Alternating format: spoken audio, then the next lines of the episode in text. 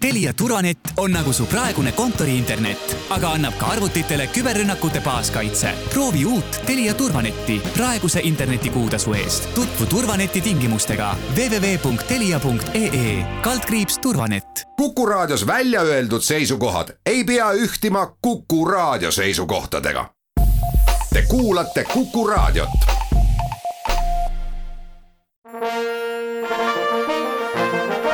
Vanemuise veerand.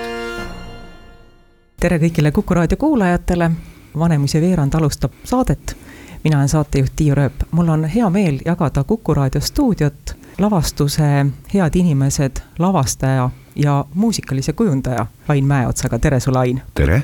head inimesed esietendub juba selle nädala lõpus, kahekümne esimesel novembril Sadama teatris ja selle žanri määratluseks on tragikomöödia, no see kõlab umbes samamoodi nagu krapsakas draama või, või ma ei tea, innukas triller. kui loo autor Mart Kadastik käis külas paar saadet tagasi, viiendal novembril, oli ta Vanemuise veerandis külas, siis ta ütles, et see tragikomöödia lahku kirjutatuna, et see oli sinu mõte, on see nii? jah, on küll, sest et, et nii nagu elu ise on vahepeal nii traagiline ja samal hetkel ka koomiline, et noh, et seda vastandlikkust, mis ühel, ühes hetkes sees on, seda rõhutada ja et just nimelt, et inimestel võiski tekkida see intrigatsioon, et ohoh, oot-oot-oot, mis see siis see nüüd on. ja siis nad ehk tulevad vaatama seda see on, ma arvan, et mitte ainult sellepärast, et meil on muid väärtusi selles tükis, kui see žanri määratlus.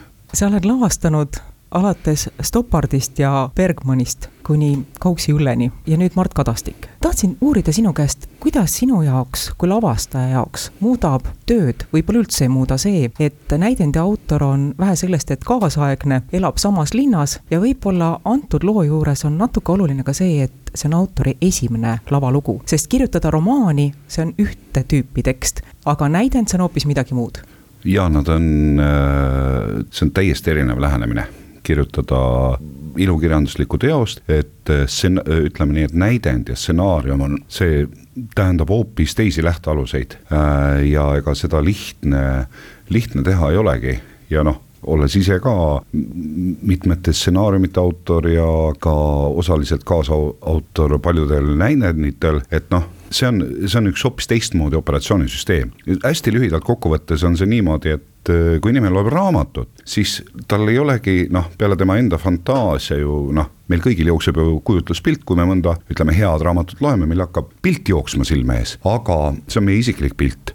nüüd, kui äh, reeglina on tegemist ju tegelastega, kes omavahel suuremal või vähemal määral verbaalselt suhtlevad, siis ilukirjanduslik tekst, mis ütleme romaanis võib olla, et kus sa kirjeldad kogu konteksti kõige muuga, siis siin selle järele vajadus kaob. Ja tihtipeale on see, see häda, ütleme inimestel, kes esimest korda näidendit kirjutavad, et äh, nad tahavad kõike läbi tegelaste suu ära seletada, nii-öelda tahtmatult, kõige paremate kavatsustega, et äh, puust ja punaseks ega see ei tähenda seda, et äh, lugu või tükk nagu ise vähem väärt oleks, aga siis on, ongi, see on täiesti loomulik, ma olen ise täpselt sama faasi läbi elanud ja kõiki need omal nahal kogenud, et äh, seal pole muud kui piisab väga vähesest, et see on üllatav, kui palju teksti mm, võib ja saab nagu välja lennata, mida näitlejad saavad äh, teatris, filmis hoopis teiste vahenditega välja mängida. et see on see erinevus, noh, sa ei pea kõiki asju välja ütlema tuues, tuues paralleeli, noh, selles mõttes, kui me vaatame Eesti seriaale mõningaid, siis noh, see on meil teatriringkondades omaette nali, et see, mis ma nüüd räägin, ei puuduta üldse Mart Kadastikku. Aga stiili näide on see, et tegelane tuleb sisse ja ütleb, et ma nüüd tulin ja, ja ma olen nüüd väga vihane ja ma mõtlen seda. Või siis, et tegelane ise räägib, mida ta teeb, näeb või tunneb, aga seda pole vaja rääkida, sellepärast et me näeme seda niikuinii. see, sel hetkel mina kui vaataja alateadlikult tunnen ennast, et mind tehakse idioodiks, et kuulge, jätke järgi.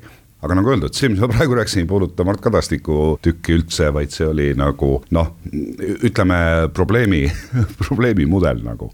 head inimesed muutub teatrikülastaja jaoks elavaks laupäeva õhtul, siis kui toimub esietendus.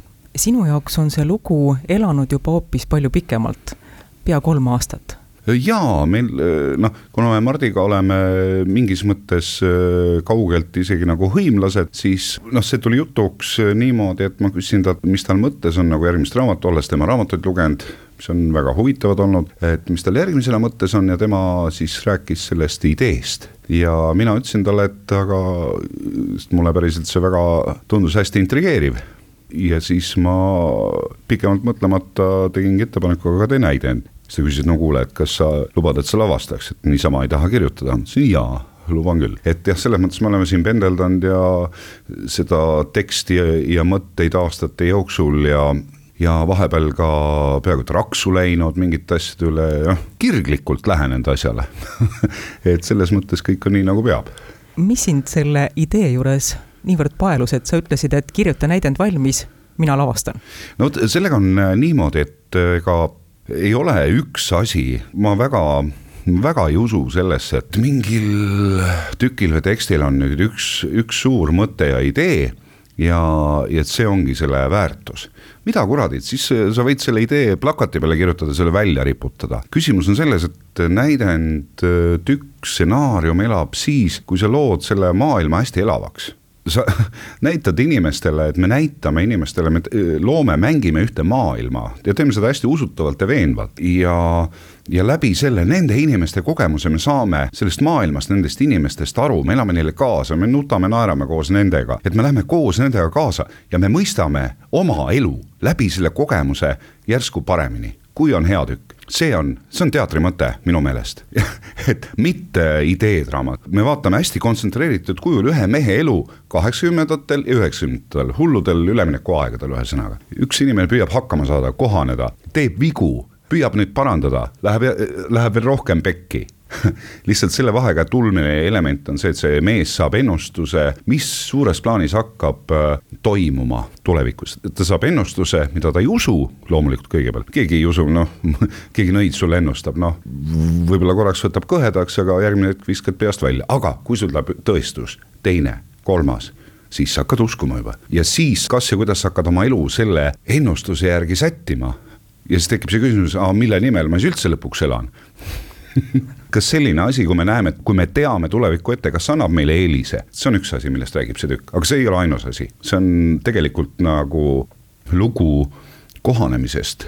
lugu sellest, mille nimel me kõik võiksime või peaksime elama. näidendi autor Mart Kadastik ütles, et ähm, kui ta seda lugu kirjutas, mõtles ta kolme väga konkreetse vanemise näitleja peale, kirjutas nende jaoks rollid.